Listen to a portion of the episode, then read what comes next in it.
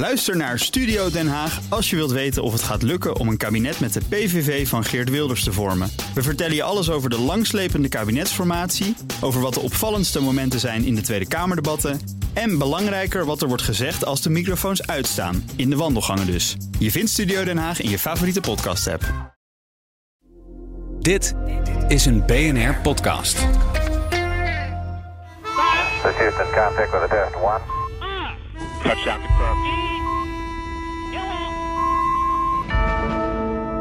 Hallo allemaal, dit is alweer de 139ste aflevering van eh, Space Cowboys. We zijn vandaag met een eh, nieuwe ploeg. Eh, aan boord hebben we Philip Schonians, projectmanager bij ESA, onder andere betrokken bij European Robotic Arm. En Ingeloes ten Katen, hoogleraar astrobiologie en planeetwetenschappen aan de UvA en in eh, Utrecht. Welkom. Dankjewel. Heel graag. Leuk we, gaan het, eh, we gaan het hebben dus over ruimtevaart en, en de ruimte. Filip, wat is jouw, eh, jouw favoriete nieuwtje voor vandaag? Nou ja, mijn favoriet, dat weet ik wel niet. Maar misschien wel een belangrijk nieuwtje was eigenlijk dat we vorige week... We hebben de, de Nederlanders, want ik ben zelf natuurlijk Belg... maar ik ben wel heel erg betrokken bij de Nederlandse ruimtevaart... dat die eh, aan de minister, eh, Mickey Adriaanse... de een ruimtevaartagenda voor de komende 10, 15 jaar hebben aangeboden. Oké, daar gaan we het over hebben. En jij, eh Ingeloes? Ja, ik eh, heb eigenlijk meer een treurig nieuwtje. En eh, dat is dat de Ingenuity, het eh, helikoptertje op Mars, het niet meer doet. Ach, ja. Ja. Maar hij was wel heel succesvol. Dus Heeft alle ja, weer alle verwachtingen over, overtroffen, zoals ze doen gebruikelijk. Ja, ja, ja. Nou goed, mijn, mijn eh, eh, favoriet was vandaag een pie in the sky onderwerp. Iets waarvan je denkt, dat gaat vast nooit echt gebeuren. Maar eh, om met een laser ruimtepuin, het grote probleem... om die met lasers naar beneden te halen... Kan dat of kan het niet? Daar gaan we het ook over hebben. Maar Filip, laten we met de grote institutionele nieuws beginnen. Ehm, de ruimtevaartagenda. Wat, wat, ehm, wat weten we nu wat we eerst niet, eerst niet wisten? Nou, niet zo heel veel zou ik zeggen. Eh, eh, wat, maar wat die eh, agenda, dat boekje wel, wel goed doet. En dat heeft ehm, minister Maria van der Hoeven, die, die had de leiding van het team wat heeft samengesteld. Of oud-minister, die ook voor ruimtevaart verantwoordelijk was. En ze hebben daar wel aangekeken naar wat zijn de, de zes aandachtsgebieden waar we ehm, geld aan moeten besteden, aandacht aan moeten besteden. En ik vind zelf het laatste hoofdstuk vind ik het mooiste hoofdstuk, want dat gaat over geld. Ja. Eh, dat zegt dat Nederland eh, per hoofd van de bevolking ongeveer een derde bijdraagt van wat eh, andere grote landen dragen, bijdraagt per hoofd van de bevolking. En dat het toch goed is om daar op termijn wat aan te gaan doen. Ja, dat komt altijd weer terug. We hebben hier wel ESTEC, het testcentrum van de ESA. Echt een grote, grote instituut, maar we betalen te weinig. Hoe, hoe zit dat? Ja, dus eh, per hoofd van de bevolking betalen wij wat te weinig. En eh, van Estec, daar, eh, ja, dat levert enorme economische activiteit op. Honderden miljoenen houdt Nederland aan over. En, maar het is niet zo dat die dan per se terug moeten naar ESA. Dat vind ik helemaal niet. Maar Nederland moet dat gewoon doen het voor henzelf heel gunstig is. Omdat er heel belangrijke onderwerpen ook in, dat, eh, in het documentje staan. En onder andere ook wat nieuw is nu eh, staatsveiligheid. En daar minister, of de staatssecretaris van Defensie was er ook bij in de Space Expo, waar dat eh, document had aangeboden. Dat is eigenlijk een nieuw ding. Dat, eh, dat begint men zich nu eigenlijk meer te realiseren dan vroeger. Dat eh, nu er overal in de wereld conflicten zijn, dat dat nu belangrijker wordt om aan die ruimtevaart aandacht eh, te besteden. Want dat speelt een rol. Hoezo? Nou, je ziet het al in, eh, in Oekraïne, dat er nu ehm, internet wordt geleverd door Starlink-satellietjes. Eh, maar we zijn eigenlijk ook wel als dood dat er, eh, dat er misschien iets gebeurt met de satellieten. Mijn, mijn angstscenario is dat we uiteindelijk elkaar satelliet uit de lucht gaan proberen te schieten. Dat zou een enorme hoop ruimtepuin opleveren. En stel je voor dat eh, dat, dat gebeurt. Dus daar moet een soort Geneefse conventie ook voor, eh, voor bedacht worden. En eh, ja, er, zijn toch veel gevallen waar eh, in, Amerika is al begonnen en eh, in, in Nederland begint ook over na te denken dat, eh, dat Defensie ook een ruimtevaartpoot zou moeten hebben. Ja, ja, ja natuurlijk grote. Amerika heeft natuurlijk al een grote ruimtevaartpoot in defensie, of andersom. Ehm, Ja. Maar het is niet dat alleen. Hè. Het is ook, er staat ook dingen in over aardobservatie en over hoe de Nederlandse investeerders, hoe die start-ups in, eh, in gang kunnen brengen. Het staat wat in over exploratie. Er zijn allerlei, ehm, ja, allerlei belangrijke onderwerpen. Er is ook geen, nou ja, dat weet ik niet helemaal. Maar ik, zou, ik wou zeggen, er is geen boer meer die geen satellietdata gebruikt om te weten wanneer hij zijn land moet bewerken en waar. Nou, dat is misschien niet helemaal waar, maar het is, uit- het is heel erg veel ehm, eh, ja, aandachtsgebieden. Die gebruiken satellietdata. En eh, er is een portal waar al die satellietdata beschikbaar zijn. En ja, dat moet allemaal uitgebouwd worden. En eh, willen wij een beetje kunnen meedoen in Nederland, ja, dan moeten we uiteindelijk toch gewoon mee investeren met de rest van de wereld, die dat zeker ook doet. Ja, loop, eh, wat, wat was er anders in de toon dan, dan voorheen, denk ik? In dit, eh? Ehm, nou, ik denk, ik was zelf heel blij met de toon van de minister.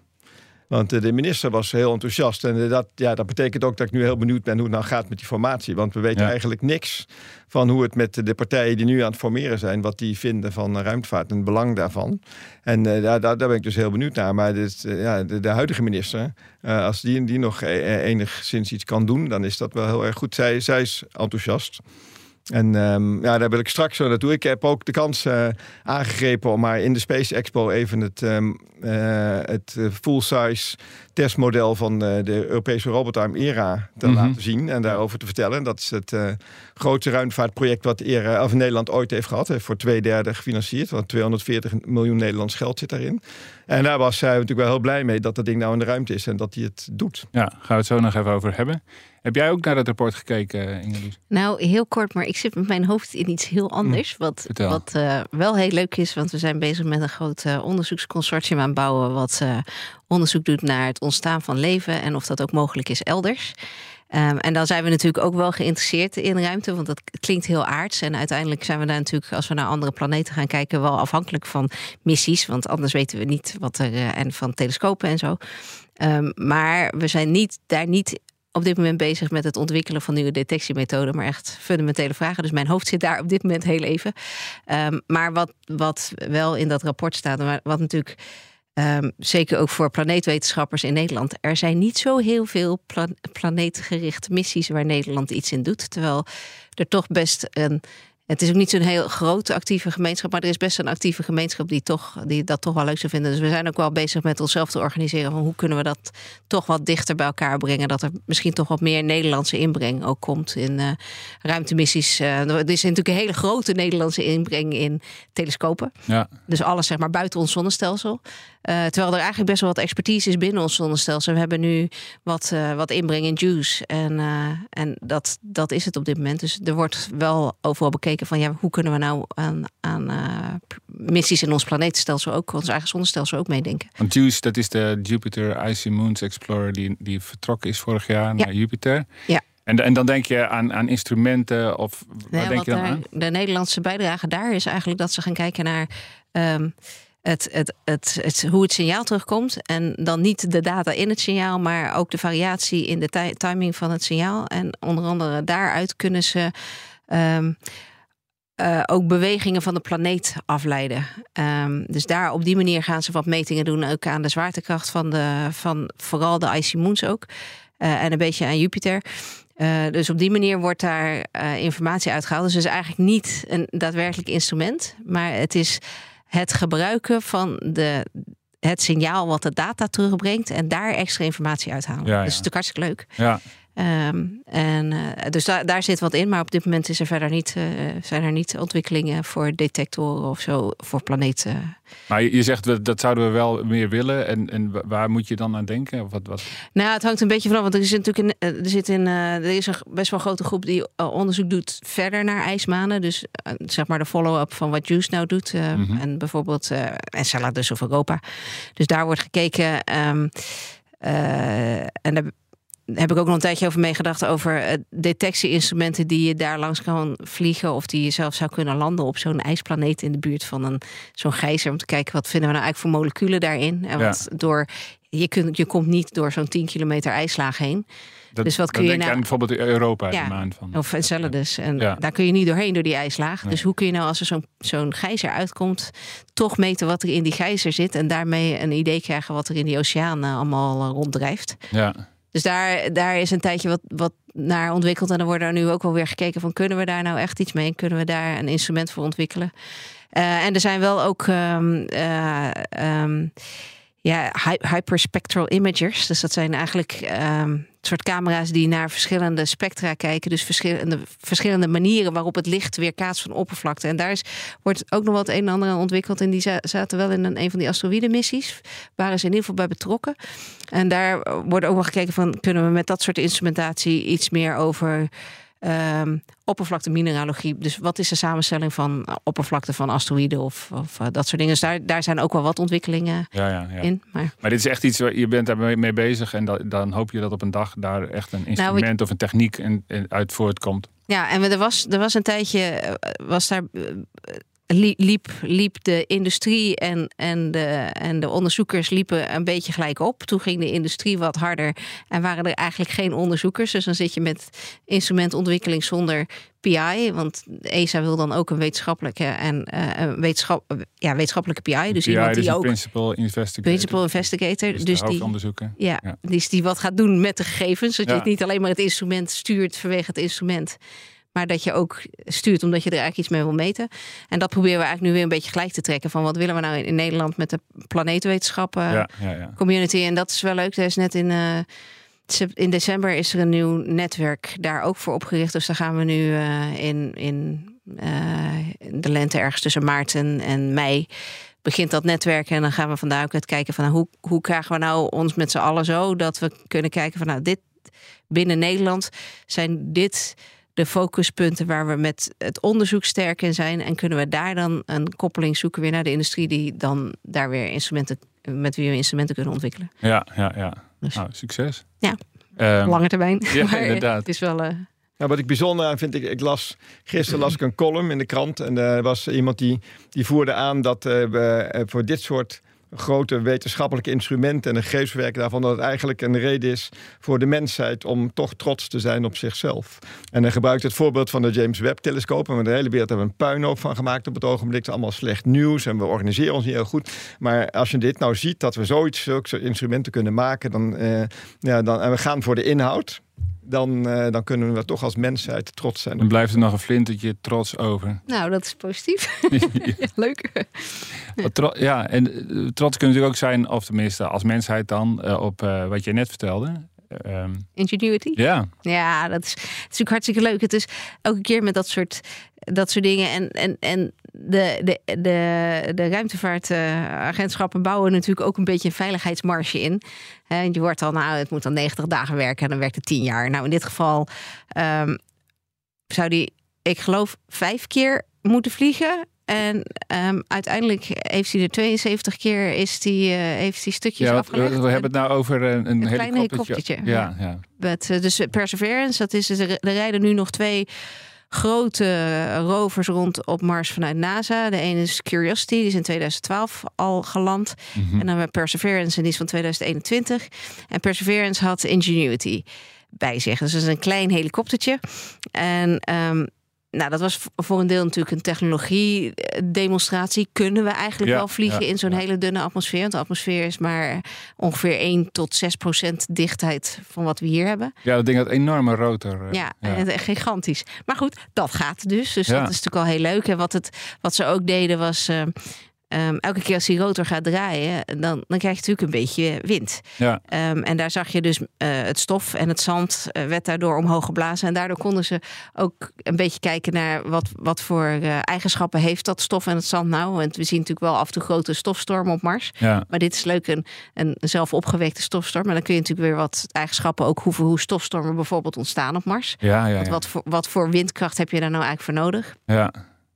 Eh, dus daar, dat, dat soort onderzoek hebben ze gedaan. En verder zijn ze elke keer gewoon een stukje vooruit gereden op de rover. Zodat ze ergens als, een beetje als een soort van ehm, Een drone, verkenner, een verkenner, eigenlijk. drone. Ja, een verkenner konden kijken van nou ja, misschien moeten we daarheen of misschien moeten we daarheen. En, ja, ja. Dus, en ja, verder is het gewoon hartstikke. Het is, het is, ja, het is heel leuk. Het is leuk dat dit werkt. En het is, het is toch weer goed ook. Weet je, wat, wat, wat wordt de volgende stap? Eh, er zijn natuurlijk allerlei dingen, maar willen we nou echt een keer iets, iets heel anders? Want met rovers kom je in end, maar misschien met zo'n rotor kun je wel weer een veel groter oppervlak. Onderzoeken. Of, Dan, of eh, afdalen in een eh, krater. ja, dat is zeker. Ja. Dat, eh, Ja, Ik vind het een heel indrukwekkend ding. Want ik heb ook in eh, Jet Propulsion Lab in Californië met, zo'n, met die propeller in mijn handen gestaan. Dat is ongeveer een meter eh, breed. En Ja. weegt helemaal niks. Enkele tientallen grammen. Dus het verbaast me niet dat hij na 72 ritjes stuk is. Ook al omdat hij zo verschrikkelijk hard moet draaien. Omdat er nauwelijks eh, lucht is. En eh, die einde van die bladen die draaien met de geluidssnelheid. En dat is eh, in, in, de, in dat medium. Dus dat is echt, daar is veel turbulentie. En eh, men zegt dat dat een limiet zou zijn voor de draaisnelheid. Ik heb ook wel weer mensen gezien die vonden dat het onzin was. Dat je best harder kan. Maar dat die dingen stuk gaan, dat verbaast me niks. Want, eh, Want hij is uiteindelijk, eh, hij is, Er is een stukje van een van zijn eh, rotors lijkt er afgebroken. Dus Ja. de schaduw liet zien dat er een gekartelde rand nu aan zit. En of dat nou komt omdat hij ergens tegen aangestoten is misschien. ja. Ehm, Maar dit, dit is dus echt eh, wel einde oefening. ja, ja, hij kan gewoon niet meer. Ja. Hij gaat geen niet meer omhoog. Dus hij kan wel draaien, maar hij krijgt niet genoeg lift. Maar ja, nu, jij zei er net zoiets over. dat het een soort verwachtingsmanagement is om te zeggen van hij moet het vijf keer doen. En dan kun je trots zeggen van oh, hij deed 72 keer. Nou, nee, maar je bouwt zoiets. Je wil dat hij minimaal een bepaalde hoeveelheid da- data genereert. Of Ja, hè, je ja. moet een minimale hoeveelheid eh, operaties doen om iets succesvol te laten, te laten zijn. Ehm, maar je ziet eigenlijk in alle gevallen dat, het, dat, dat dit soort dingen het veel langer doet. Als Wat ze het één keer doen. Ja, Als ze ja. het eenmaal doen, Ja. dan doen ze het veel langer. Ik bedoel, het Spirit and Opportunity moesten al 92 dagen werken. En Ja. nou ja, op, een van de twee heeft ruim tien jaar over het oppervlak van Mars gekacheld. En ja, gewoon ja. Tot hij vastliep. eh, Ja. ja. Ja, ja, Maar het komt ook door de testeisen die we hebben. We hebben het ook bij, voor alles waar je een zekere belasting hebt, moeten we meestal testen voor vier keer die belasting. Ja. En als je dus zeker wil weten dat die vier keer die belasting aan kan, ja, dan gaat hij ook eh, veel langer mee. Ja. Dan, eh, dus eh, om zeker te weten dat hij eh, vier keer vliegt, moet je hem zo maken dat hij wel 72 keer kan vliegen. Ja. Ja, ja. Ja, dat is inderdaad. eh, Ja, en dingen die ook lang meegaan, eh, is ruimtepuin. We, we weten eh, dat er in de baan om de aarde allerlei eh, rommel, eh, eh, afgebroken stukjes, eh, eh, gruis van, eh, en, en schroot van, eh, van botsingen rondvliegt.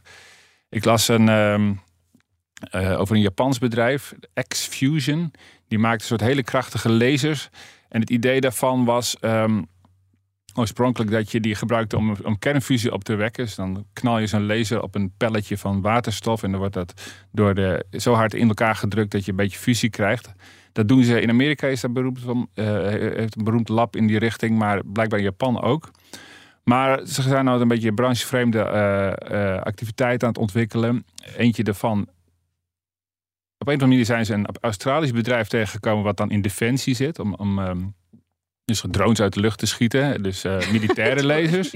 Combinatie. En dit alles leidde tot het idee om ehm, ruimtepuin uit, uit een baan om de aarde te schieten. Afremmen, eh, las ik. Maar is het afremmen? Want schieten Ja. klinkt ook alsof je het kapot schiet. Ja, en dan en- krijg je meer puin. En dan ben je eigenlijk er verder van huis. Omdat hoe kleiner het puin, hoe minder je de baan kan voorspellen. Ja, Het idee was afremmen, zodat hij langzamer gaat. En dan valt hij terug in de aarde, verbrandt hij in een damkring, bij hem kwijt. ja, maar dan hoe rem je hem af? Eh, Geen idee. Ja, En, en, hoe zorg je dat je hem niet kapot maakt als je er met een laser op gaat schieten? Dat, eh, dat zijn grote raadsels. Ja, nou, het idee was, het idee was dat, je, dat je dat een beetje verdampt en dat je dan een soort pluimpje van, van plasma krijgt. Ach, ja. Wat dan die kant op. ehm, Want je hebt zo weinig weerstand, dus die plasma duwt hem wel eentje de goede kant op, bedoel je? Ja, nou goed, ik, dat, dat, dat zeggen ze dan. En ja, dan moet je maar aannemen dat het een beetje doorgerekend is. Ehm, Eh, eh, Maar er stond dus. Oké, dus dit, dit, het artikel bleef hier ook een beetje onduidelijk. Dat, dat wij dit niet begrijpen, dat werd ook niet verder verklaard. Nou, ik heb best moeten zoeken wat dan het mechanisme was. Want in de meeste, eh, de pers staat gewoon, ja, we schieten dat erop af en dan valt het terug. En dan denk ik, ja, waarom dan? Eh, maar goed, dat was ablatie heet het dan. Hè? Dus Ja. dan smelt het een beetje of dan verdampt het een beetje. En dan, ja, dan zou dat wat extra afremkracht eh, geven. Maar eerst willen ze gewoon überhaupt kijken of ze die laser op zo'n stukje puin kunnen richten. En ook gericht houden, dat je het überhaupt kunt zien. Want dan hebben we het over dan hele kleine stukjes hè, van 1 centimeter. Dus die wel schadelijk zijn, maar eigenlijk heel, heel lastig eh, te traceren. Onvoldoende afremmen, zodat ze voortdurend blijven rondzweven. Ja, dat was het ook, idee. ja. En eh, als je iets heel groots hebt, In, eh, een grote satelliet, die, die komt uiteindelijk wel een keertje naar de aarde verband in de dampkring. Maar die kleintjes, die hebben zo weinig weerstand, die blijven lang rondzweven. Dus moet je dus kunnen mikken, ook inderdaad op iets van 1 tot 10 centimeter groot vanaf Ja. de aarde. Dat- maar hoe zien ze die dingen van 1 tot 10? Zijn die, staan die wel op de radar? Vanaf 10 centimeter weten we van alles waar het is. Oké, ja. Eh, en, eh, van de een- en onder, onder 10 centimeter eigenlijk niet. Dus dat, is- er is zo'n grote database met alles wat rondvliegt in de ruimte. Staan staat van ook gereedschapskisten die eh, astronauten hebben losgelaten. Een tandenborstel Die heb ik keer gelezen. Dus de, de raarste dingen, maar er staat allemaal in die database. En daar houden we ook rekening mee voor het ISS bijvoorbeeld. Wanneer dat er zo'n ding zou kunnen komen aanzweven. Maar kleiner dan 10 centimeter voor, voor zover ik weet niet. Dus als je, jij het hebt Bruno over 1 centimeter, ben ik inderdaad heel benieuwd hoe ze weten waar die dingen van 1 centimeter zijn. Want ik dacht dat ze alleen maar minder tot vanaf 10 centimeter wisten waar ze waren. Ehm, geen idee. Als je er een laser op schijnt, zie je ze vanzelf. Ja, natuurlijk. maar de ruimte is groot. Nee, maar goed. Ja, ik- er zijn natuurlijk heel veel, is heel veel eh, aandacht geweest voor het ruimtepuinprobleem. Laatst heeft voor, voor het eerst een bedrijf een boete gekregen omdat ze niet goed genoeg hun eh, trap eh, ehm, hebben laten terugvallen. Dus er Ja. zit wel wat beweging in. En je leest ook allemaal, allemaal eh, ja, soms inderdaad wat, wat science fiction-achtige concepten om dat dan weer naar beneden te krijgen. Nou, dit was er één van. Er is dus ook een behoefte aan regulering, vind ik. Ja, Want er komt zoveel, eh, wordt er gelanceerd. Dat, eh, als we, we beginnen met 10.000 eh, eh, mini-satellietjes. ja. Niet alleen de astronomen hebben daar verschrikkelijk veel last van, maar misschien uiteindelijk wel iedereen als er te veel rondzweeft. En dan moet dus eigenlijk iemand moet bepalen van wie de ruimte is en wie er zomaar iets kan schieten. En dat is trouwens ook een van de onderwerpen die in die ruimtevaartagenda staat. Dat er een juridisch kader moet worden geschapen voor zulke soort dingen. En dat vind ik ook weer heel goed dat, dat zulke soort dingen genoemd worden. Niet alleen van moeten prachtige telescopen bouwen en prachtige. En voor het klimaat moeten we natuurlijk eh, kijken naar de smelten van de ijskappen en, eh, en de ontbossing enzovoort. Allemaal eh, hartstikke belangrijk. Maar ook zoiets als regulering is oerzaai, maar wel heel belangrijk. Responsible spaceflight. Precies. Ja. ja, laat ze het in Leiden niet horen, oerzaai. Ja, het- ja, nee, dit, daar heb je gelijk in. Ik denk, eh, ik denk dat de, de wetenschappers die zich bezighouden hiermee, die vinden dat natuurlijk maatloos interessant. En eigenlijk vind ik het ook interessant, want ik heb zelfs bij de, een van de allereerste cursussen eh, ruimtevaart die ik kreeg, ging ook al iets over ruimterecht. Toen eh, was toen ik net begon, ging de University of Southampton. Ja. Een week cursus en daar werd het al gezegd. Verzekeringen, ruimterecht, al soort dingen, die Ja, werden ja. al onderwezen. Het was fascinerend. Ik las dat Huawei nu ook een constellatie van eh communicatiesatellieten. Nou, dat wist ik nog niet. Ja, wordt nog spannender. ERA, Ja, hoe is het daarmee? Nou, En waar hebben we het dan over? nou, ik vind het wel heel erg leuk dat ik... eh, ik ben nu de eerste keer in, eh, in eh, dit team hier. Nou, ja, dit is ook mijn kans om iets nog te vertellen over, over ERA. Er zijn natuurlijk na 15 jaar vertraging of zoiets... of 15 keer één jaar vertraging... Ja, Waar ik bij en iedereen moet uitleggen wat voor een groot verschil dat dat is. Wat je 15 jaar lang dan klaar moet zijn voor de lancering eigenlijk. Is dat ding eindelijk gelanceerd in 2021. En waar, waar het ExoMars karretje wat op Mars moet gaan rijden... waar die pech hadden dat ze zouden lanceren net na de inval in Oekraïne van de Russen. Mhm. Dan hadden wij het geluk dat we lanceerden ook vanuit die Russische militaire basis in Baikonur in Kazachstan.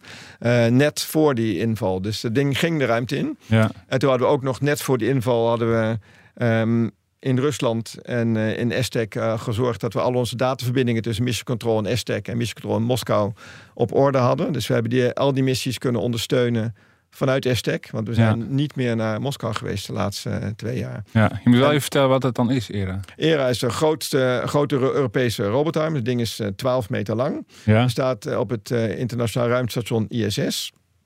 En hij heeft daar tot taak om eh, groot, grote dingen te versjouwen die te groot zijn om te versjouwen met, eh, met eh, een ruimtebandelaar. ja, Eh, het weegt weliswaar niks, maar als je een duwt moet je ook maar weer, weer zien af te remmen. ja. Dus daarvoor gebruiken ze dan zo'n robotarm. En ehm, hij heeft dus eh, dat gebruikt ook om dingen te installeren op het Russische deel van het ruimtestation. Maar ook, we hebben ook al een astronaut op het einde van die arm gezet en dan vervoerd. En dat is veel makkelijker dan dat je je anders moet vervoeren langs dat space station. Waar je jezelf Oké. eh, steeds moet aan, aanhechten en weer losmaken. Bij het volgende plekje weer, weer vastklikken. Hoe, hoe, hoe moet ik me dat voorstellen? Dan zit je op een soort badmeesterstoel? Of Ja, die staat op een plankje. Maar het plankje zit daar op het eind van de arm. En ehm, ja, daar zit je met je voeten in vast. En je kunt ook aan je handen vasthouden. En eh, op die manier wordt zo'n astronaut dan vervoerd. Daar hadden we al prachtige simulaties van. Maar Ja. nu staan al kunnen we die vergelijken met het echte plaatje. eh, gemaakt in de ruimte. Ja, dat is, eh, dat is Ja, fascinerend. Prachtige VR-dingen, ook voor iedereen gewoon om Ja. te doen. Het is Ja. geweldig om op zo'n plankje te staan. Inderdaad. ja, en, en, je- en je dan te kunnen bewegen en zien wat je dan zou zien. Ja. En nou ja, maar het be- het belangrijkste is gewoon het feit dat hij het doet. Want ehm, het ding heeft ook van 2008 tot 2000, eh, 21 in een doos gezeten in Moskou. Ja, En eh, ja, net zo, je kunt je auto ook niet zomaar tien jaar in de garage laten staan zonder mee te rijden. In de draaiende dingen moeten draaien. ja, ja. Ja. anders gaan ze op een gegeven moment doen ze niet meer lekker. En eh, die arm konden we daar niet goed draaien, want hij is zo groot. Als je zo'n eh, zo'n ding over een paar graden verschuift, dan heb je al enorme verplaatsingen. Dus we konden maar heel kleine beetjes, eh, microbewegingjes ermee maken. En dan, ja, dan, we zijn dus heel blij dat dat allemaal werkt. Alles goed werkt, dus meer olie doet het nog. Ja. Ja. Eh, het een grote trots eigenlijk van Nederland. En, en natuurlijk, eh, er was destijds natuurlijk ook wel eh, de vraag van... eh, heeft Nederland daar goed aan gedaan dat ze een paar jaar lang... toch een heleboel van hun eieren in hetzelfde mandje hebben gegooid, financieel gezien. Ja, En eh, het zou dus enorm eh, lastig zijn geweest als het ding dan uiteindelijk nooit gelanceerd zou zijn. En het feit dat dat nu is gelukt en gegaan, en we hebben ervan geleerd. En alle discussies die ik heb met JPL over Marsrobots, daar komen dingen, discussies over ehm, eh, hoe, doen, hoe, hoe is de temperatuurafhankelijkheid van die mechanismen en hoe besturen jullie dit aan? En eh, is het wel mogelijk om op twee verschillende plaatsen in de wereld samen een, een robot te besturen terwijl je niet allemaal in één hok zit? En ja, al die dingen daar weten wij nu de antwoorden op. Daar ja, hebben ja. we ja. van geleerd. Ja, en, en je hebt natuurlijk ook heel veel dus contact met de Russen ook gehad, ook na die inval. Dat was, eh, Ja. dat was natuurlijk. Ja, je hebt daar zelf alles geschreven. Don't mention the war in, eh, in de krant. Dat Ja. kan ik me nog herinneren. En dat was precies zoals we die hele samenwerking hebben gedaan. En dat is natuurlijk heel raar, want die, die collega's uit Rusland, die ken ik al twintig jaar. Ja, Ja. Maar ja, aan de, aan de voice loop tijdens een missie hebben we het dan eh, nergens over, behalve de inhoud. ja, ja dat, dat komt natuurlijk sowieso niet zo gauw ter sprake. Maar nu, eh, dit, ja, het is iets waar je omheen, omheen werkt. Ja, ja en, eh, en eh, uiteindelijk is het wel eens goed. Maar we hebben geen feestje gevierd. Dat is natuurlijk ook jammer. Ja, Dat hadden we ook wel ehm, graag, graag gehad. Wat ongetwijfeld zou dat met veel wodka en, en hap Ja. gepaard Ja, gaan. dat, ja, dat moet. Ik weet niet of dat nog in het vat zit. Dan eh eerst Oh, een ja. regime change. wie, wie was die ja, astronaut of cosmonaut misschien? Een Rus, maar ik ben zijn naam vergeten. dat is, wel, Ja. dat is eh, misschien wel weer eh, Eh, Tekenend. Ja. tekenend. Ja, ja. Wat is jouw ehm, volgende onderwerp? eh? Ja, ik had nog een onderwerpje. Ik, ik kom toch even terug op Mars. Ik bedoel, er is meer in de ruimte dan Mars. Maar toevallig kwamen er nu gewoon twee dingen bij waarvan ik dacht: hé, hey, dat is leuk. Eh, want ehm, eh, Perseverance, dus het karretje wat bij Ingenuity hoort. ehm, eigenlijk is het natuurlijk andersom, maar goed. Die, eh, wat, wat die hebben ehm, is een eh, ground penetrating radar. Mhm. Ehm, en wat je daarmee doet is een radar en die kan onder het oppervlak kijken. Dus je stuurt een eh, radarsignaal en die, die kan echt een paar meter de diepte in. Ehm, en, en dat kaatst uiteindelijk terug. En daarmee kun je profielen in de bodem bekijken. Dus je kunt zien van gaan we nou van de ene laag, grondlaag naar een andere soort grondlaag, naar een soort gesteente. Ja, ja. En eh, we, gebruiken dat hier op aarde ongelooflijk veel. Ik bedoel, als je gebouwen gaat bouwen, wil je ook weten hoe de ondergrond zit. Dus dan gebruik je eigenlijk hetzelfde soort instrument. Ehm, en wat hier nou heel leuk aan is, is dat eh, we, we weten natuurlijk al jaren dat er ooit water op Mars was. Ja, en daar worden natuurlijk ook alle locatie curiosities daar een plek gegaan waarvan we al lang en breed wisten dat er water was. En Perseverance ook. Anders gaan we namelijk niet meer. Ehm, maar wat we wel willen, wat we heel graag willen weten in dat, in dat soort kraters is. ehm, kunnen we een beetje inschatten wanneer dat water er was? Kunnen we inschatten onder wat voor omstandigheden er water was? Je weet dat het er warm genoeg was en dat er dus genoeg atmosferische dichtheid was om dat water vloeibaar te houden. Mhm. Maar was het water bijvoorbeeld heel zout of heel zoet of heel zuur of heel basisch? Ja. Of zit het er allemaal lekker tussenin? Ehm, dat is informatie die je kunt halen uit de, de samenstelling, de mineralogische samenstelling van de gesteente. Want in water lossen elementen op en die zetten zich weer af en die vormen mineralen. En als je heel zuur water hebt voor de, de andere mineralen dan als je heel Ja, ja, basis ja. water hebt. Ehm, maar wat je ook wil weten is hoe lang heeft dat water er gestaan? En eh, zijn er, heeft, heeft het water dieper geweest of is het allemaal alleen maar oppervlaktewater? Mhm. Eh, en wat, wat we hiermee kunnen zien is, nou, het vertelt iets over hoe diep het water is geweest. Het vertelt ons ook eh, hoe, hoe die krater is opgebouwd. En het geeft ons ook een beetje een eh, eh, inkijkje hoe lang dat water er misschien gestaan heeft. Eh, en dan kun je natuurlijk gaan fantaseren, oh, misschien vertelt het ons ook wel iets over of er leven is, of dat er overblijfselen van leven Uiteindelijk altijd weer de. Dat willen we Ja, natuurlijk allemaal ja, weten. ja. Ehm, ja, daar, daar kunnen we met een radar niet direct. eh, we, we kunnen daar geen gefossiliseerd leven mee vinden. Maar wat. Tenzij ja, je iets ziet bewegen. ja, dat is dan niet meer gefossiliseerd. En dat zie je ook niet met een radar. Oh, jammer. Of dan moet het wel heel groot zijn. Dat, dat is microbieel leven zou je niet met een radar zien. Nee. Ehm, eh, dus, maar goed, wat, dit geeft ons wel weer meer inzicht. En het, het geeft ons in ieder geval. ehm, er, is niet, er is niet voor niks eh, besloten om naar Perseverance te gaan, naar specifiek deze krater.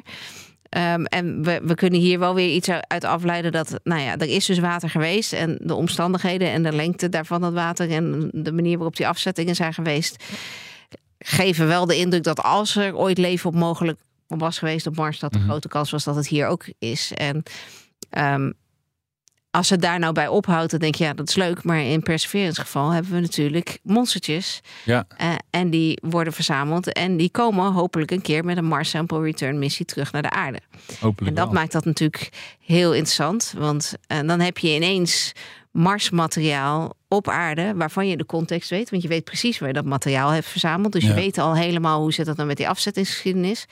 En we kunnen ongelooflijk veel met die rovers, maar we kunnen nog steeds meer in de labs op aarde. En dan heb je Ja. ineens allerlei technieken om daar echt diep op in te gaan. Dus di- dit maakt natuurlijk die monsters die we straks terughalen ook weer een stuk nog weer interessanter. Eh, Want dit, dan bedoel je die radar. Nee, nou, wat we nu begrepen hebben van, dat, van de manier waarop dat water daar toen zat en hoe die afzettingen zijn geweest en hoe lang het er is geweest en zo maakt. Dat helpt weer voor de context. En dat, Ja, maar wat, wat weten we daar dan meer over nu? nou, we, we begrijpen iets beter hoe lang het water er heeft gestaan. En we denken misschien toch dat er ook ehm, misschien nog wat water onder het oppervlak op de een of andere manier eh, in veel diepere lagen bewaard is gebleven. Dus dat het er in ieder geval lang, lang genoeg heeft gestaan en dat het ook gewoon de bodem in is gezakt. En dat daar misschien dus ook nog dingen mee meegezakt zijn de bodem in. Ja, ja. Moeten we Dus- daar dan ook de ExoMars-plannen op gaan aanpassen? ExoMars is het karretje wat eh, ehm, nou, dus de ruimte naar Mars moet en twee meter diep kan. Ja, nu, Eh, moeten we daar, eh, weten we nu ook meer van waar die, eh, die twee meter diepe monsters zou moeten gaan opvissen? Dat weet ik eigenlijk niet. Dat zou ik Hm. nog even beter moeten, moeten lezen. Ehm, ja, ik zou met ExoMars, maar dat gaan we niet doen. Maar er zijn natuurlijk andere leuke locaties op Mars waar we eigenlijk ook gewoon een keer naartoe moeten. En ja, daar gaan we voorlopig nog steeds. Maar dat, is, dat, wordt een hele ethische discussie. Dus misschien moeten we daar een andere uitzending aan, aan wijden. Tegen de tijd dat we weten wat er gebeurt met ExoMars. Maar ja, er zijn natuurlijk locaties op Mars waarbij we een, een, nu al, zonder dat we er geweest zijn toch nog grotere verwachtingen zijn van nou, misschien is daar ooit wel leven geweest. En uh, die bedoelt nog groter dan bij waar, Ja. waar, uh, waar mensen nu staat. zelfs denken van nou ja, als er nog leven is, als er leven op Mars ooit zou zijn geweest en het is er nog steeds, dan zijn er een aantal locaties waarvan men nu denkt dan, dat zou je daar moeten zijn. Oké, Maar goed, die staan maar dat is op dus de niet lijst. uh, Jezero Crater. Dat is waar, niet, uh, nee, want daarom, daar gaan is. we niet heen op dit Ja, moment. ja, ja. vanwege planetary protection. Want die zit natuurlijk met de ethische vraag. Willen, hoe graag willen wij dat weten? Ja, ja. Wat is het risico dat wij dat Marsleven vervolgens op zeep helpen? En wie zijn wij dat wij vinden dat wij dat recht hebben? Oh, zo, ja. Dus is ons recht tot het weten of er leven is op Mars en daarbij het leven om zeep helpen, is dat groter dan het recht van het leven op Mars om gewoon, gewoon lekker door te blijven leven? Maar het is toch niet zeker dat we het om zeep helpen? Of, uh... Nee, maar die kans is er natuurlijk wel. Als wij daar gaan zitten graven en je. je we, we, het beetje hetzelfde als met dat ruimtepuinverhaal. Als we naar andere planeten gaan, dan maken we onze missies ongelooflijk schoon. We zorgen dat er zo echt gewoon geen overblijfselen meer zijn van aardsleven. Maar dat wordt allemaal gemeten. Dus je kunt, je meet tot de detectielimiet van je instrument waarmee je het meet. Dus als er microben op zitten onder de detectielimiet, ja, dan meet je ze niet en dan gaan ze misschien toch mee. En die kans is heel klein, maar je wil gewoon dat risico niet lopen. Dus daar zit een hele ethische discussie. Maar ondertussen wil ik het natuurlijk ook gewoon meten. Ja, ja. En intussen weten we dus ook steeds meer. Nee, weet je weet waar je eigenlijk heen zou moeten Ja. gaan. Behalve dan dat je dat misschien niet doet, om wat je net vertelde. Ja. Ja, ja, ja. Ja. Maar goed, daar zijn eh, eh, nog eindeloze discussies over. En nou, misschien dat we het over een paar jaar, eh, dat er een keer een beslissing over valt. Ja, en, en de andersomme discussie of we niet iets meenemen van leven naar Mars waar wij zelf niet eh, tegen kunnen. Ja, dat is natuurlijk ook een. eh, en daarom worden natuurlijk nu ook voor Sample Return al die grote faciliteiten eh, opgebouwd. En eh, de kans dat dat gebeurt is natuurlijk heel klein. Maar je zal maar net die ene kleine kans hebben. ja, ja. Ehm, ander bericht. Om eens een keer een ander hemellichaam te nemen. De maan. Oh ja. Ehm, de maan krimpt. Want hij stolt al, al miljarden jaren. En wat krijg je dan? Rimpels aan de buitenkant. En nou is er een, eh, publicatie in, eh, de, van de Planetary Society. Dus de Amerikaanse vereniging voor ja, eh, die enthousiast is over dat soort dingen waar je net over vertelde. Ehm, dat daar, je hebt daar maanbevingen. Dus, eh, dat, dat, dus de binnenkant krimpt, de buitenkant eh, die heeft dus opeens te weinig eh, plek. En die schuiven over elkaar. Eigenlijk nou ja, zoals het ook op aarde gebeurt met tektonische platen. Alleen dan eh, eh, Of kleinere schaal. wat kleinere schaal. Maar eh, ja, je, had, je had dat clipje gestuurd, eh Filip, van dat meisje dat... eh, Oh ja. dat was een, een- even, even een, eh, een zijspoor. Een meisje wat bij Ellen DeGeneres, eh eh, een meisje van vier of vijf of zo. en ja die, veel ouder zou ze niet geweest zijn. die ratelde een soort eh, planetaire encyclopedie af. En daarbij ging het ook over de, de wrinkles van eh, Mercury. En die heette, Roops. nee, lobate scarps.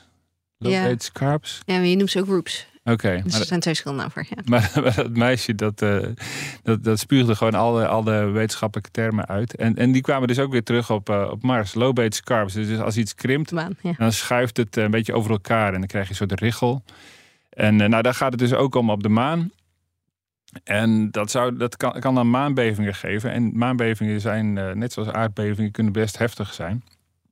Dus die eh, onderzoekers hebben dan eh, uitgerekend van ja, misschien moet je hier niet je maanbasis, hè, want we willen dus uiteindelijk met eh, Artemis een maanbasis gaan bouwen.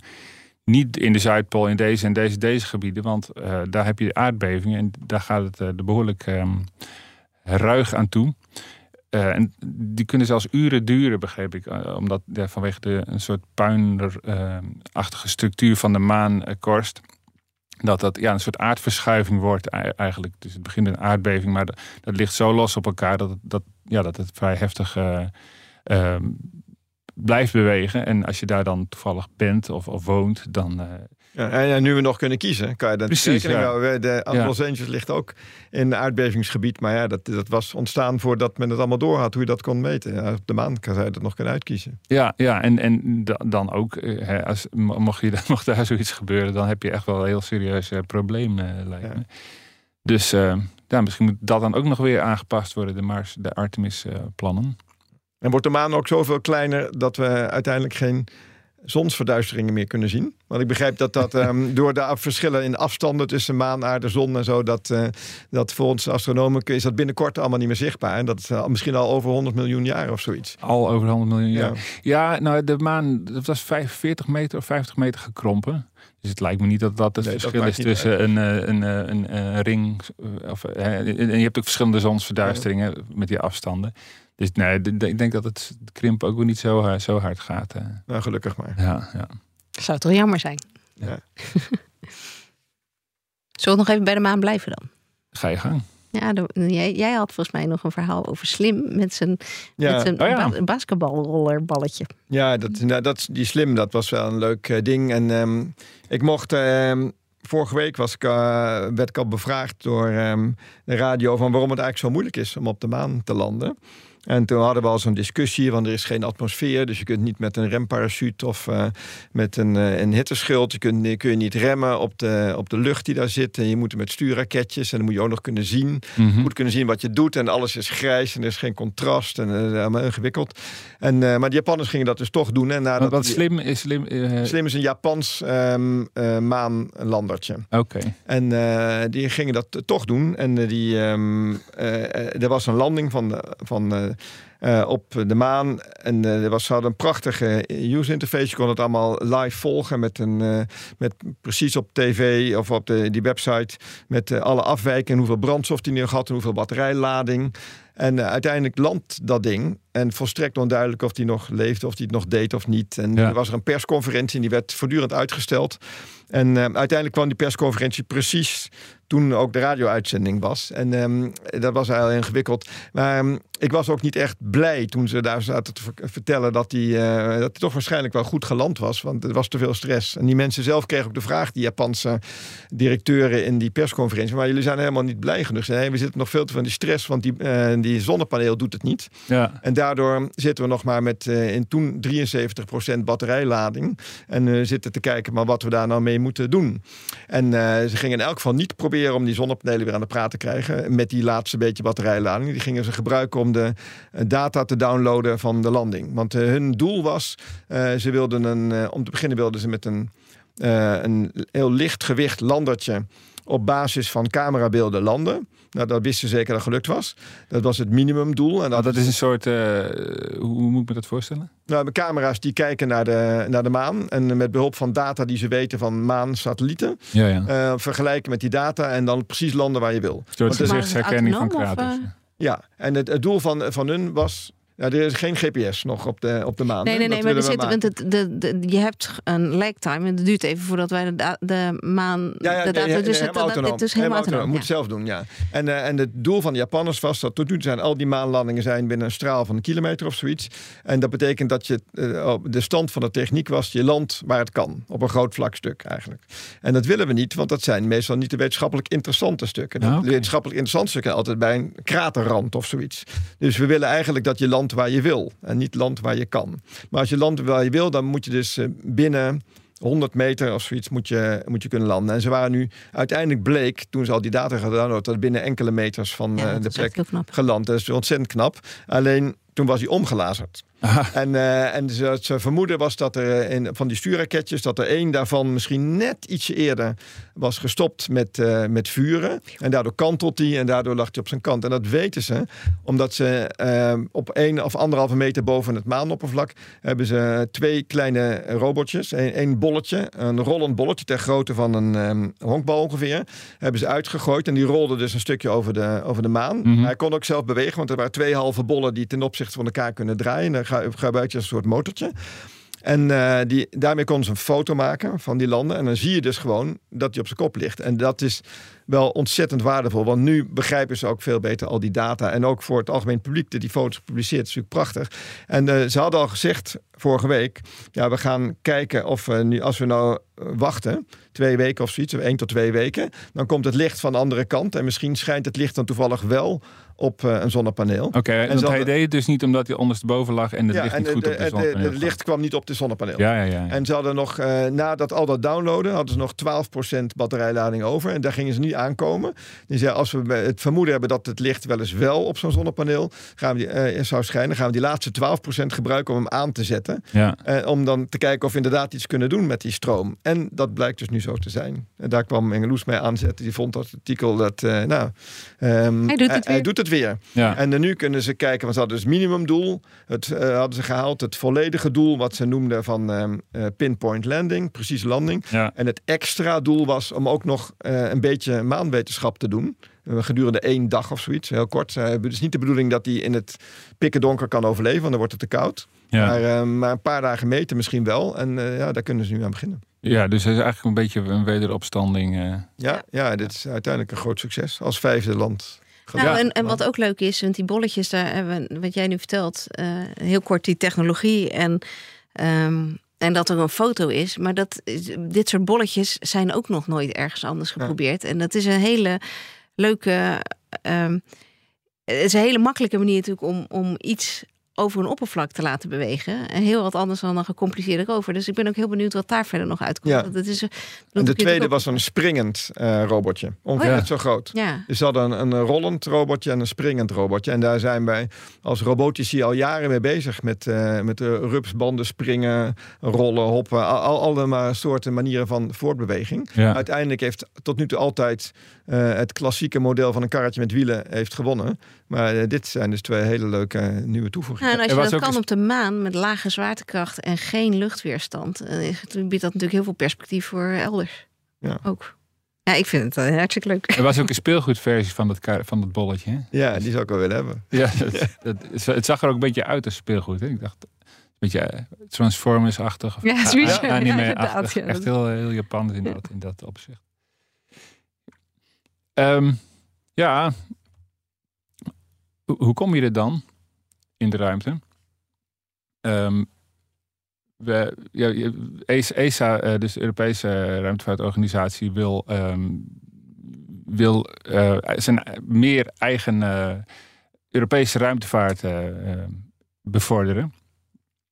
En daar hebben ze, een poosje geleden is een soort um, een soort contracten willen ze uitreiken. Van als jij je raket ontwikkelt en je kunt voor ons uh, vracht naar het ISS brengen of andere taken uitvoeren, dan, um, dan, dan, kun je van ons een contract krijgen. En dan uh, ja, dit alles om te zorgen dat we Europese raketten hebben. Dus naast de Ariane. Dus die, die commerciële bedrijven ontwikkeld worden. En daar is vorige week is dat, is een soort e-, eerste lichting van, ja, van bekendgemaakt van een aantal Europese bedrijven. En de meeste hebben niet vaak van gehoord. Er is bijvoorbeeld um, ISAR Aerospace, ken je die? Nee. Nee. En PLD is een, uh, een, Spaans bedrijf.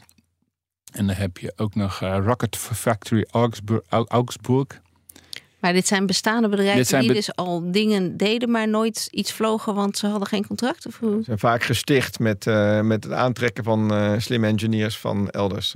Ja, zo is dus, SpaceX ook begonnen. Ja, het, eh, precies. Zij willen allemaal de, de tweede SpaceX. Of de, ja, oké, maar ze zijn dus begonnen omdat ze wisten dat er deze call van ESA aankwam, neem ik aan. Of, uh... Nou, het idee is, hè, dat zijn een small launches, heet het dan dus kleinere raketten dan bijvoorbeeld de Falcon 9. Maar om kleinere satellieten um, te, eh, te, lanceren. En daar is natuurlijk een wereldwijde markt voor. Eh, dus niet alleen van ESA, maar ja, allerlei communicatiesatellieten. En de satellieten worden ook steeds kleiner.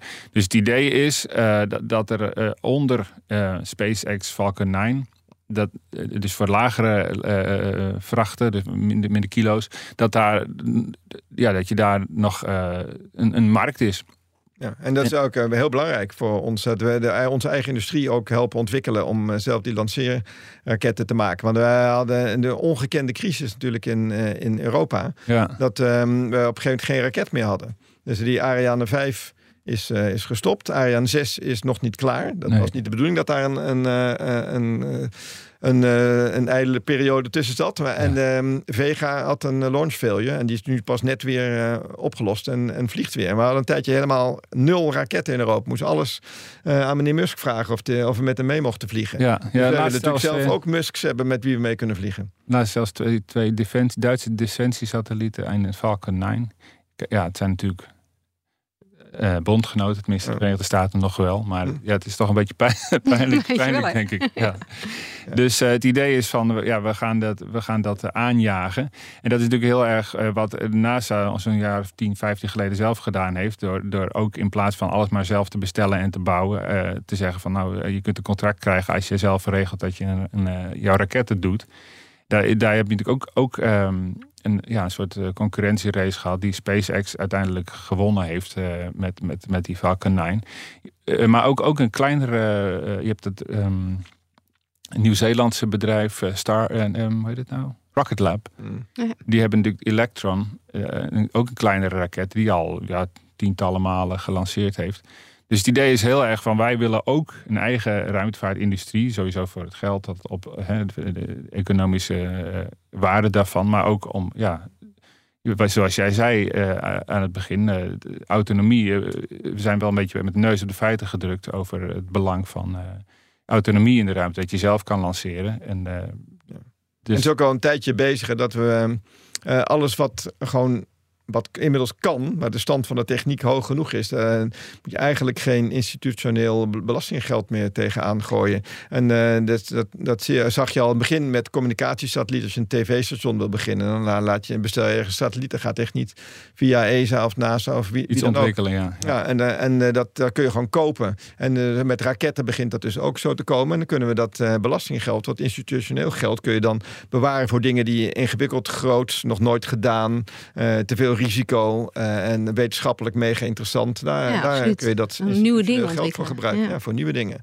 En uh, daar willen we dus naartoe dat het een volwassen industrie wordt. En uh, ook voor het ISS. Hè. Als het ISS, het ruimtestation, wat nu om de aarde draait in 2030, de, dan is in principe dat project gestopt. En dan hopen we dat er tegen die tijd commerciële spelers zijn die een, een ruimtestation kunnen maken. En zo niet, dan moeten we nog even door.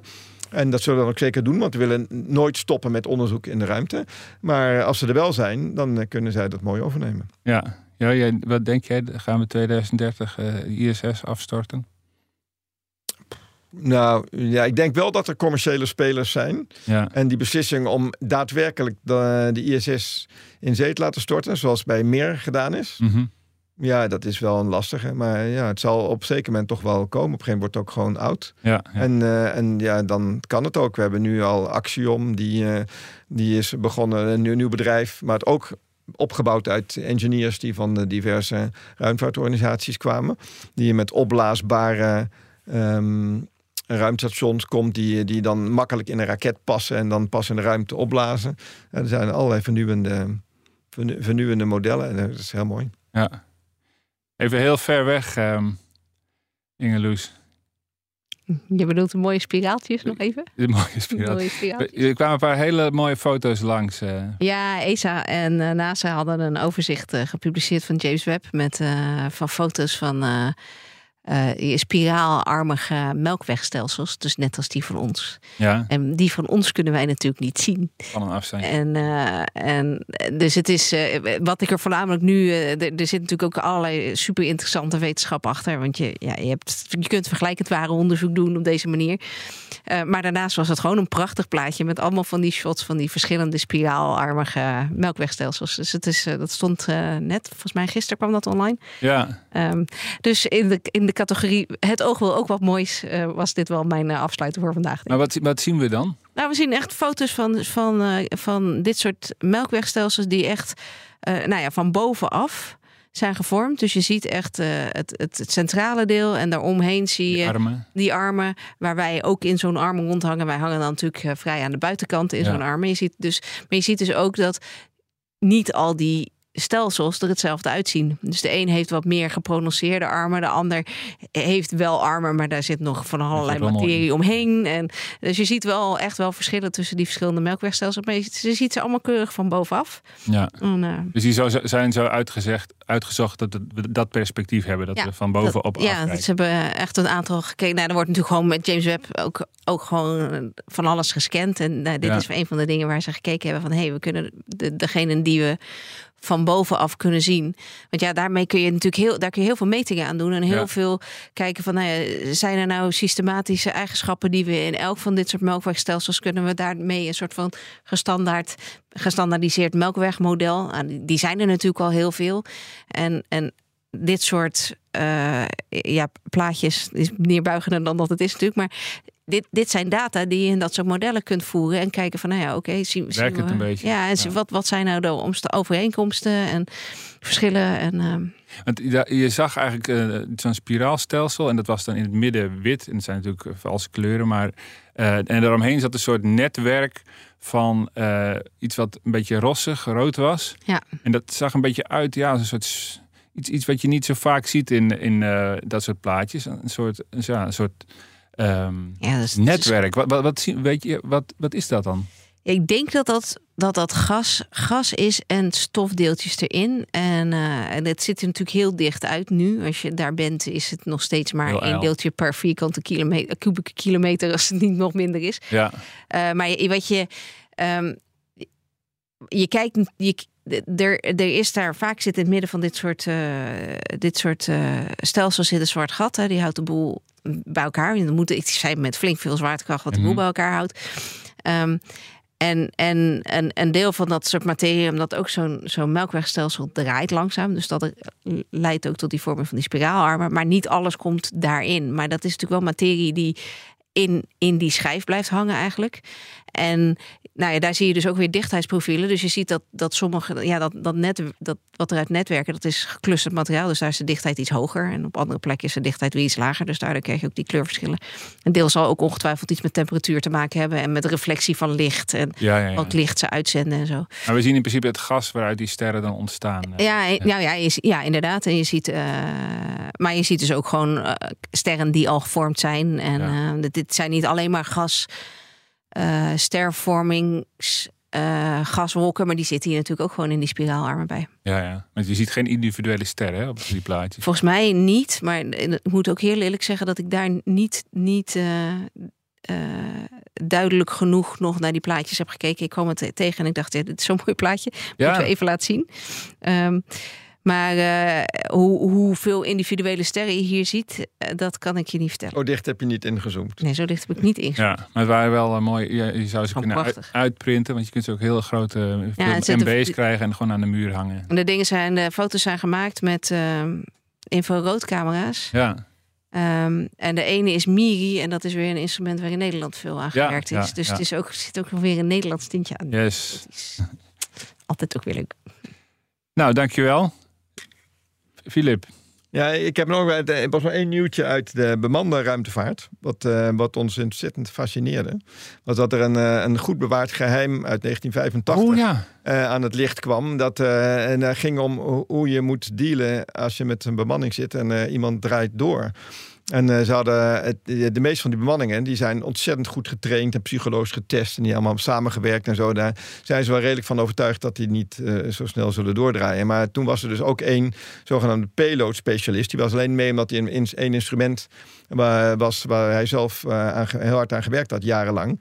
En dat bleek, het ding, bleek het niet te doen. En toen wilde hij tijd hebben aan boord om het te repareren. En dan ging hij overleggen met Mission Control. Maar die tijd van die astronaut is helemaal volgepropt tot op de minuut. Ja. En de Mission Control vond dat geen prioriteit. Dus hij mocht zijn eigen apparaat niet repareren. En toen was hij zo boos. Zei, nou, daar ga ik niet mee terug. Ik ga gewoon niet mee terug totdat ik tijd heb om eh, te repareren. En je zoekt het maar uit. Ja. En ehm, vervolgens was er allerlei angst van, ja, wie weet, hij draait zo door. Wie weet, eh, doet hij op een gegeven moment gewoon het luik open. Ja. Want ze hadden zo'n luik wat in de Space Shuttle, was dat toen, wat naar de ruimte gaat. En dan kon je met één zo'n arm, kon je dat zo opendraaien.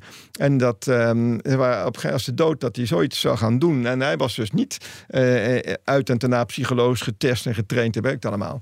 En toen kwam er dus zo'n algemeen zo'n zorg over van, eh, ja, wat moet je nou doen met eh, zulke soort mensen? Of zulke soort minder getrainde of minder geteste astronauten. En sindsdien kwam ook een foto, werd er nu pas bekend, een foto waar zo'n die arm met, met een hangslot erop. Dat de commandant gewoon een hangslot erop gedaan. Want dat gaat mij niet gebeuren. Dat we straks allemaal Naar buiten gezogen worden. Want iemand eh, doordraait en uh, zegt, ja, goddorie, ik, ik open dat luik. En dat, dat, ik vond het een heel bijzonder nieuws. En de, tijdenlang hebben ze dus die, dat slot erop gehad. En nu, nu weer, weer niet. Dus dat is nu weer een beetje weggehebt. Maar er was een verhaal die tijd. En de journalist die daar achteraan was gewoon... die had nog heel veel moeite om dat boven water te krijgen. Ja, Eric Burger van ja. Ars Technica. Er waren zo, zo, weinig mensen nog in leven die dat uh, destijds bij waren. Ja. En dat doet mij ook denken aan een discussie die ik met Jareneski had van de VU. Die, um, die is, um, was bezig met onderzoek naar criminaliteit in de ruimte. En als we straks al die... Um, uh, missies komen met waar het algemeen publiek de ruimte in gaat, dan kun je natuurlijk op wachten tot een keer of iemand doordraait of iemand een misdrijf pleegt in de ruimte. Wat doe je er dan mee? Dan net als op zo'n onderzoeksstation op Antarctica ja. is daar geen gevangenis, geen rechtspraak, geen politie. Ja. In de ruimte ook niet. En wat ga je dan doen? En ja, in geval van een zelfmoord waar allemaal naar buiten zo is het niet meer zo relevant. Maar als je iets doet wat daar tussenin ligt, dan heb je wel een probleem. Dus uh, ja, het, het, is heel interessant om te kijken hoe de bemande ruimtevaart omgaat met dit soort dingen. Als er veel meer astronauten komen, niet alleen die hypergetrainde en psychologisch geteste bemanningen. Ja, want de andere payload specialist tijdens die vlucht, die dus wel uh, uh, compasment is bleef, was uh, Lodewijk van den Berg. Ja, dat was een on, Nederlander. Onze, onze, dat was eigenlijk de eerste Nederlander de eerste, in de ruimte. Dat was ja. een Amerikaanse Nederlander. Ze ja. vertellen hem soms niet echt, maar dat ja. was hij. Ja, ja, het was, het was ook een mooi uh, uitgezocht verhaal van, uh, van Eric Burger. Ja. Van, ja, hoe, hoe, hoe, hoe gaat het dan? Dat zijn natuurlijk niet dingen waar mensen graag over vertellen. Maar ja, zoals jij zegt. Uh, hij moest diep graven wel, om wel boven water te krijgen. En ze ja. hebben uiteindelijk, heeft hij toch zijn zin gekregen ook nog. Hè? Ja, hij mocht uiteindelijk mocht, mocht hij het repareren na een paar dagen. Ja. Toen de rest goed was gegaan, toen was er wel voldoende prioriteit. Ja. En toen, toen kreeg hij hem ook nog aan het werk, toch? Ja. ja. Ja, dus uiteindelijk is het allemaal met een sisser en goed afgelopen voor iedereen. Maar het is inderdaad wel een goede les. Ja. Goed. Dankjewel, uh, Filip. Dankjewel, Ingeloes. Dankjewel voor het hosten. Ja. Uh, dit was uh, de 139ste aflevering van Space Cowboys. Tot de volgende keer.